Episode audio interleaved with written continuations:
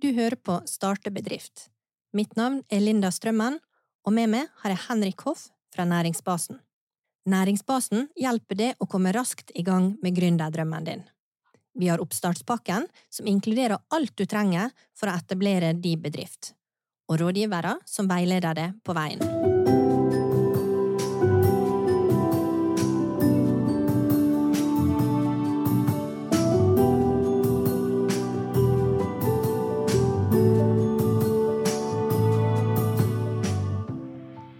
I denne episoden skal du bli kjent med to eksperter på investering og skalering.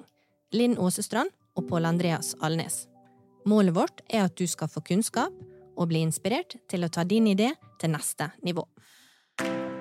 Linn, Converto, hva det er for noe? Ja, Converto er et rådgivningsselskap. Vi er lokalisert i Ålesund og i Bergen. Eh, faktisk er vi i ferd med å etablere oss i Trondheim også. Vi leverer tjenester innenfor strategisk rådgivning, eh, transaksjonsrådgivning og forvaltning. Vi er 23 ansatte i Bergen og i Ålesund. Så har vi en ganske god miks mellom seniorrådgivere, altså godt erfarne, eh, analytikere og interns. Studenter som studerer på NHH eller på høyskolen her i Ålesund. De roller i Converto, hva er denne? Ja, jeg jobber som rådgiver innenfor strategisk rådgivning. Eh, det har jeg gjort i to år. Jeg flytta hjem igjen fra Oslo, og i Oslo så jobba jeg som eh, rådgiver i Ernst Young, eller EI, i sju år. Litt innenfor det samme. Jeg jobba mye innenfor grensesnittet strategi, organisasjon og virksomhetsstyring. Eh, og har fått jobba med veldig mange spennende bedrifter her i regionen, eh, med ulik modenhet og kommet ulikt i livssyklusen sin. Konverto er også bidragsyter i ganske mange forskjellige program for, for gründere. Der har jeg fått lov å være med på som mentor blant annet i Næringsteft. Der det var jeg med som mentor i fjor, men i år så må jeg gi stafettpinnen over til han Pål Andreas, eh, for jeg skal ut i barselpermisjon. Og han Pål Andreas han har faktisk dag nummer to i Converto i dag.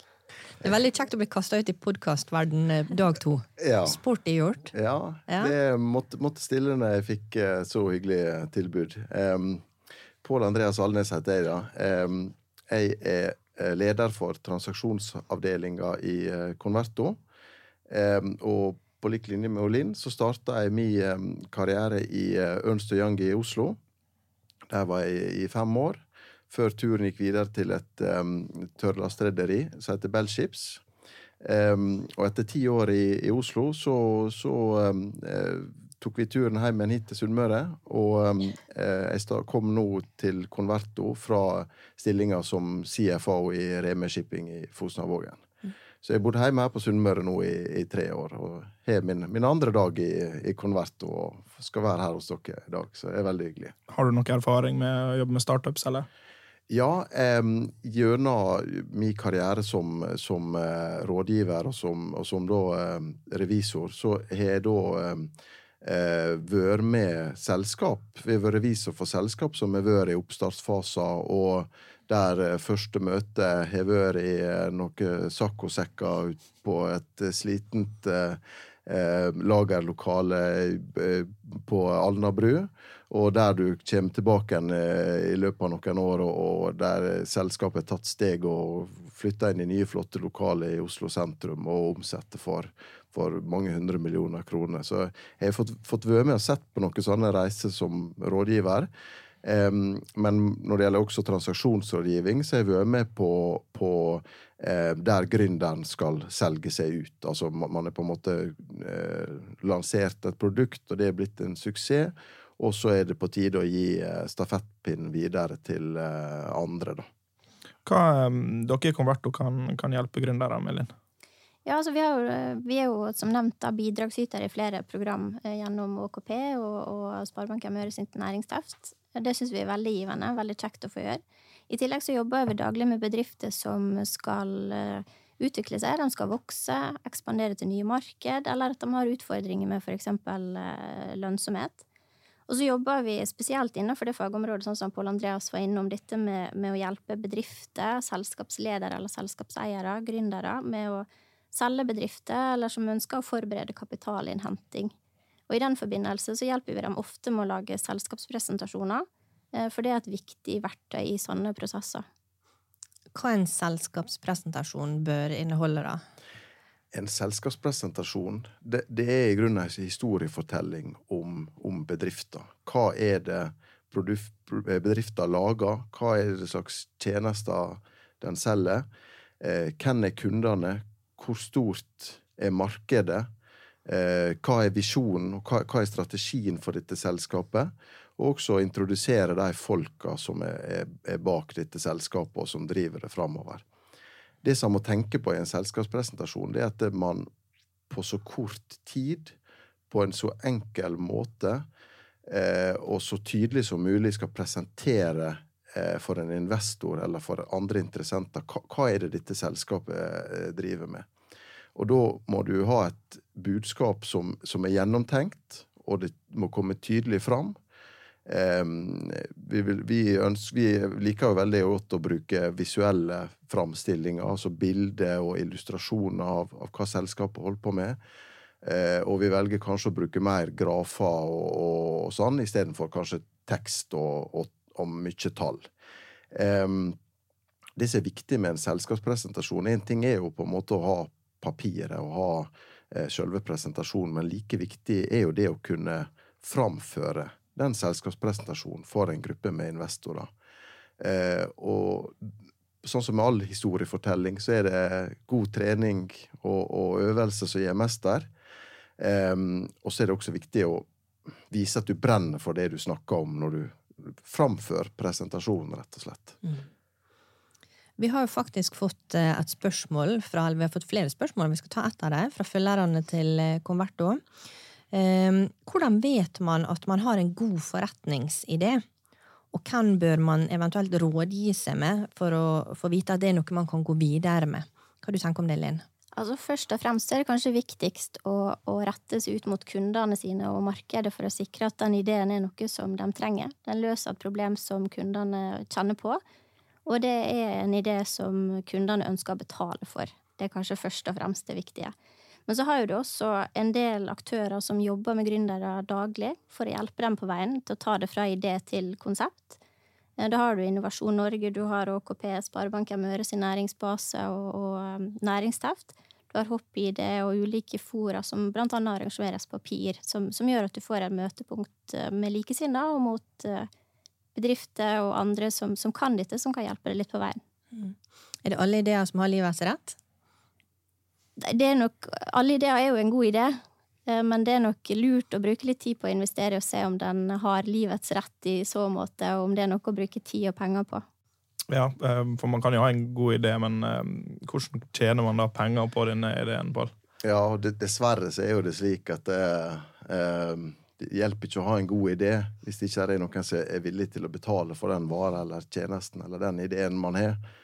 Og, og det er jo så enkelt at det, eh, syretesten på, på, dette her er jo, er jo hvorvidt eh, du kan sende ut en faktura for varen eller tjenesten din, og der er noen som er villig til å betale for den eh, fakturaen. Og så er det en del ting han på en måte må, må avklare også liksom i denne tidlige fasen. Hvordan skal man ta seg betalt? Er det en abonnementstjeneste? Er det, er det kanskje eh, et, et enkelt salg? Er det det, hva slags modeller er det du, du, skal Hvordan skal du ta betalt for? Det er noe som må avklare. Og måten man gjør dette på, er jo å avklare med kundene. Sant? Hva er det de er villige til å gjøre, og hva er det de foretrekker? Og litt den røde tråden i det som vi snakker om så langt også, er jo på en måte dette med, med kundekontakter. ikke sant? Altså, man, det hjelper ikke å ha en god idé uten at den er i grunnen avstemt med, med kundene. Er, er, de villige til å betale for, for dette produktet eller ikke? Mm. Finnes det et marked? Finnes det et marked, rett og slett. Mm. Og, hvor, og, ikke minst, hvor stort er det markedet? Og, og så vi også kanskje kommer tilbake til hvor, hvor, hva slags vekst eh, tillater dette markedet for, for gründeren å ha da, i den reisa. For det er jo ikke til å stikke under stol at alle, alle selskap de begynner med null i, i, inntjening, og så skal man en eller annen plass opp på, på grafen. Mm. Det er jo ofte utfordringer, det at eh, pengekassa kanskje ikke er så stor i starten. Og så er det noen fordeler og ulemper med å ta inn investorer i en tidlig fase. Hva du tenker om det? Det, det, som, eh, det som, er styrende, eh, hvorvidt det er lurt eller ikke, det avhenger jo av eh, dynamikken og, og, og, kjemien mellom eh, investoren og gründeren. Altså, får man med seg en investor som har tru på gründeren, som deler visjonen, og som deler eh, tidslinja for hvor lang tid skal det ta, dette her ta, så er det kjempepositivt å få med seg investor. Da, da kan du få eh, kapital inn, og du kan fokusere på, på de tinga som er viktige for å bygge selskapet. I motsatt fall, hvis du er så uheldig at du får en feil type investor, som kanskje ikke deler visjonen, som kanskje er mer utålmodig når det gjelder tidslinje, så kan det godt hende at dette, dette strander eller det skjer seg eh, ned i veien. Mm. Det, hva type sånn feil gjør gründere i startfasen når det gjelder liksom det med å hente inn altså kapitalbehov og finansieringsløsninger? Det, det, typiske feilen de gjør, vil jeg si, er at de, de henter for lite penger. De har ikke estimert det kapitalbehovet eh, som de har framover. Eh, og, og, og, de har ikke en god nok kontroll på, på, hvor mye de trenger. Det er det første. Og så er det andre det at de er ikke tydelige nok på hva er det du skal bruke disse pengene til, og hva tid kan investoren regne med å få tilbake igjen disse pengene. At du forteller denne historien på en, på en tydelig måte. Eh, alle vet at det vil ikke være noe fasit, men det er bedre at det er du som gründer legger, legger hodet på, på, blokka og sier at det, sånn er det jeg tror det blir. Mm. Skalering, Linn, det er jo blitt et, et motord nå i, i, vår verden. Hva, hva, mener vi egentlig med, med skalering? Ja, ja, det er et godt spørsmål. Det er jo et buzzword som vi både misbruker og kanskje overkompliserer litt. En skalering, det, eller når vi snakker om skalerbar forretningsmodell, så handler det ofte om hvorvidt bedrifter er rigga for vekst eller utvikling. Og det kan eksempel være å øke kundemasse med, med volum, få flere ansatte, ekspandere til nye marked, eller tilpasse drifta til andre behov i markedet. Er det forskjell på å skalere eller å vokse når du er liten gründer eller og stor bedrift? Ja, altså Felles for alle som skal skalere, er at det handler om å gå fra ett stadie til et annet. Eh, og skalering av en virksomhet er jo knytta til muligheter, men det kan også by på nye forventninger eller krav, eksempelvis til finansiering, struktur og organisering. Eh, og det koster, og det tar tid, og det er krevende uansett hvor stor selskapet er. Eh, men gitt at du er sikker på at du har en markedsmulighet som, som er verdt å, å, jobbe mot, så handler det helt overordna om å ha tilstrekkelig kapital og finansiell backing, for det koster jo.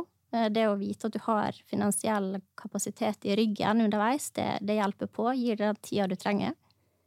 Og så er det det å ha de rette folka, ha riktig ledelse, ha riktige utviklingsressurser og ha nok kapasitet. Og så er det å ha riktig struktur og system på plass. Internt så kan det handle om å ha en organisasjonsstruktur med rolle og ansvar.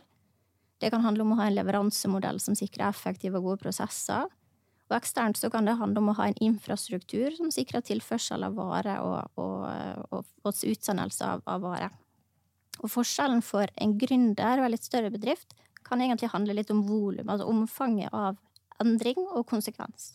Jeg har litt lyst til å gå tilbake til det du sa, ha riktig ledelse og ha på en måte det riktige verktøyet. Sånn. Eh, hvordan klarer man å se det? Altså, hvem skal man hente inn? Hvor må man ha nye ansatte? Kan du si litt om det? Ja, altså det, det vil kreve en annen ledelse å ha et selskap på f.eks. 0 til 10 personer kontra 50 til 100. Og det å evne å se såpass langt frem i, i glasskula at du ser at om fem år så skal vi dit, da trenger vi denne kompetansen. Og være tidlig nok ute til å rekruttere og få inn de teama og folka, det er kjempeviktig. Uh, disse her skaleringssuksessene. Altså, noen har jo en filosofi der tenker vi bygger stein for stein. Andre tenker nå hopper vi, og så hopper de. Uh, er det noen eksempel på liksom, hva, er, hva er suksessene? Hva er suksesshistoriene?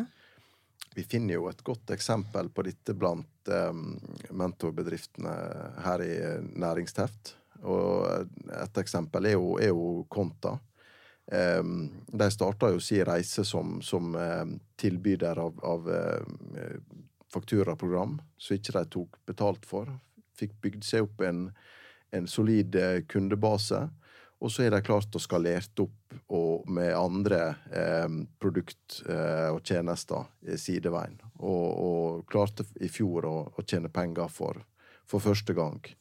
Um, det som er igjen er viktig å påpeke, og er som man kan legge merke til, det er hvor lang tid det faktisk tar før disse bedriftene tjener penger. Altså, de suksesshistoriene som, som vi ofte bruker å trekke fram, legg merke til hvor lang tid det faktisk tar før de eh, begynner å tjene penger. Og, og, litt tilbake til det jeg sa i stad, med, med, å hente nok penger. Det, det tar alltid litt lengre tid eh, enn man tror. Og å skalere opp ei bedrift det koster alltid litt mer enn hva han tror også. Mm. Er det noe fellestrekk for de som ikke lykkes, Linn?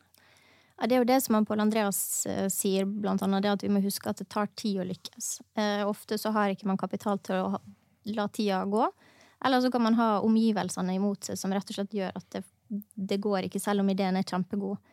Eh, men det kan jo også være at de ikke har truffet på det som vi har vært innom. Altså, de har ikke en god nok eh, gjennomarbeida forretningsplan eller forretningsmodell. De har ikke forankra godt nok ideen sin i markedet, så de er sikre på at de får betalt. Noen er jo så opptatt av ideen sin at de blir sittende inne på verkstedet eller på kontoret og tviker på den til den er helt perfekt, og glemmer å gå ut og sjekke med kunden om det er faktisk noe de trenger. Og det det kan ikke vi understreke nok hvor viktig det er å komme seg ut tidlig og heller utvikle produktet sammen med, med kunden. Eh, det er jo dette med skalering som du var inne på også, Linda. Noen er veldig ivrige etter å skalere og glemmer kanskje å fix the basics, altså få opp grunnmuren eller fundamentet som veksten skal baseres på. Um, og så er det kapital. Dette tar tid, det er krevende, og du trenger kapital. Menneskelig kapital og, og finansiering. Mm. Opplever dere ofte at eh, gründerne vil lytte til dere, eller er det disse her som sitter og bare tviker på ideen sin? Er de alltid i modus til å ta inn eh, signaler dere gir? Jeg opplever det at eh, når vi snakker med gründere, så, så får oss de, de tillit til det vi holder på med, og de lytter. Og så er jo det helt fantastisk å snakke med gründere, for de har jo et helt annet engasjement og helt annet Eh, eh, måte å, å, selge inn, å snakke på og selge inn produktet sitt. Så er jo, vi, vi, er jo ganske privilegerte som får, jobbe med gründere. Eh, samtidig så jeg opplever jeg at de lytter til oss, spesielt på dette som går på kapital. Altså, Gründerne kan jo gjerne sitt produkt og si bedrift, og så er de litt ukjente med og, hva, hva, vil, hva vil det si når jeg, jeg skal finne meg en partner, eller jeg, jeg skal eh, hente penger, eller jeg jeg skal, eh, jeg skal eh, lage en, en, selskapspresentasjon. Det er de kanskje ikke så, eh, så veldig vant med, men, men, hvis du lar dem snakke om produktet sitt, og, så kan de snakke i timevis. Mm.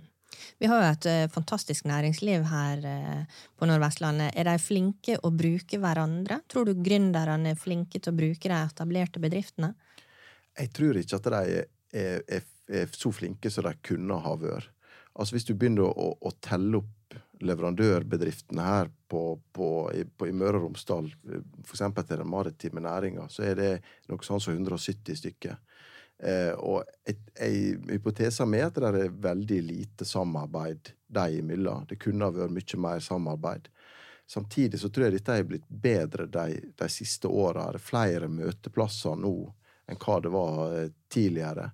Så forhåpentligvis så gjenger vi nå inn i en periode der, der, vi kan få enda mer samarbeid på kryss og tvers av eh, bedriftene i Møre og Romsdal. Fordi her er mye flinke folk, og, og her er sannsynligvis veldig mye produkt som kunne ha vært eh, lansert og skapt hvis man ser på kryss og tvers av bedriftene. Mm. Bruke nettverket, da. Bruke nettverket, yes. Mm. Um, vi har uh, fått et spørsmål til, da. Um, hva er de vanligste feilene man går i som gründer, eh, og hva kan man gjøre for å unngå dem? Vanligste feilen jeg tror, det er jo dette her med at han ikke sjekka at det er et marked for produktet ditt, og, og at det ikke er betalingsvilje for, for det du produserer eller, eller eh, tjenesten du leverer. Eh, og, og, klart, kundekontakter er kjempeviktig. Forstå kunden sine behov og betalingsvilje. Um, og det neste det er jo dette her med, med kostnadskontroll eh, og disiplin i starten. ikke sant? Klart Når, når ikke man får inn noe penger på topplinja, så, så er det om å gjøre å, å gjøre eh, kapitalbehovet og underskuddet så lite som mulig eh, i starten. Eh, det tror jeg mange, mange svikter litt på. Man kanskje skalerer opp litt for fort og drar på seg større kostnader enn hva du, hva du hadde tenkt. Um, og for å unngå dette så er jo det viktig at det, de estimerer kapitalbehovet de trenger. Og det også tror jeg mange bommer på. Derfor er vi akkurat snakka om at ting tar lengre tid. Du må ha mer kapital i bunnen enn enn hva du tror.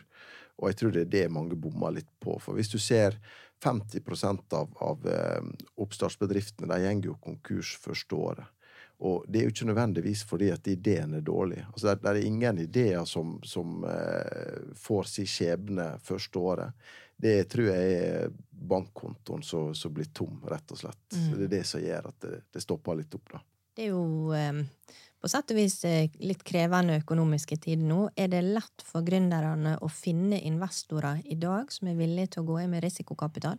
Jeg tror at det, i, i, dagens marked så, så er, det, er, det veldig, er, det, veldig, vanskelig. Eh, vi er et høyt rentenivå. Eh, prisstigning er høy. Og, og her er generelle, det generelle makrobildet er, er utfordrende. Eh, når det er sagt, så tror jeg det at det, hvis du først skal være gründer, så, så er du lokalisert Eh, på denne planeten på den, på den, riktige plassen. Fordi her er et godt gründermiljø på Sunnmøre. Her er mange bedrifter du kan samarbeide med. Så eh, jo bedre produkt du har, jo høyere sannsynlighet er det for at du får tak i den eh, kapitalen som du trenger. Så selv om det relativt sett er vanskelig nå, så, så kan han iallfall trøste seg med at han er på riktig plass. Ja, opp med det. Så hvordan er det å være gründer på Sunnmøre i dag, eh, Linn?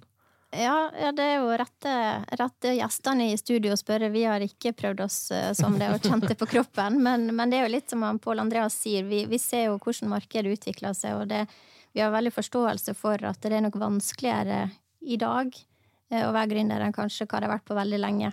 Um, det, ting tar nok lengre tid, og det stilles nok større krav til dem som skal ut og hente kapital. Eh, og da er det som Pål Andreas sier, da er det hell i uhell at de er med på Sunnmøre. Med det, det, nettverket rundt seg, både bedrifter og, og støtteapparat. Eh, og det gjelder jo da å benytte seg av det for å klare å bli best mulig. Mm. Eh, hvis dere skal se litt inn i glasskula, hva dere kommer til å investere i da, tror du? Nei, det er et godt spørsmål. Jeg, jeg tror at det, hvis du ser fem år fram i tid, Um, så har vi jeg, jeg investert i en portefølje på, på ei, ei 15-20 selskap her på Sunnmøre som, som, uh, som, er veldig spennende. Uh, forhåpentligvis har vi investert i det neste store, store selskapet her på Sunnmøre. Uh, men jeg, jeg, tror nok at det vil fort være innafor en av de bransjene som, som vi er flinke på her på Sunnmøre. Og så kan det godt hende at det dukker opp en eller annen joker. Spennende. Tusen hjertelig takk for at dere vil være i studio med oss. Veldig spennende å høre på det dere kan fortelle. Og nyttig og lærerikt, tenker jeg.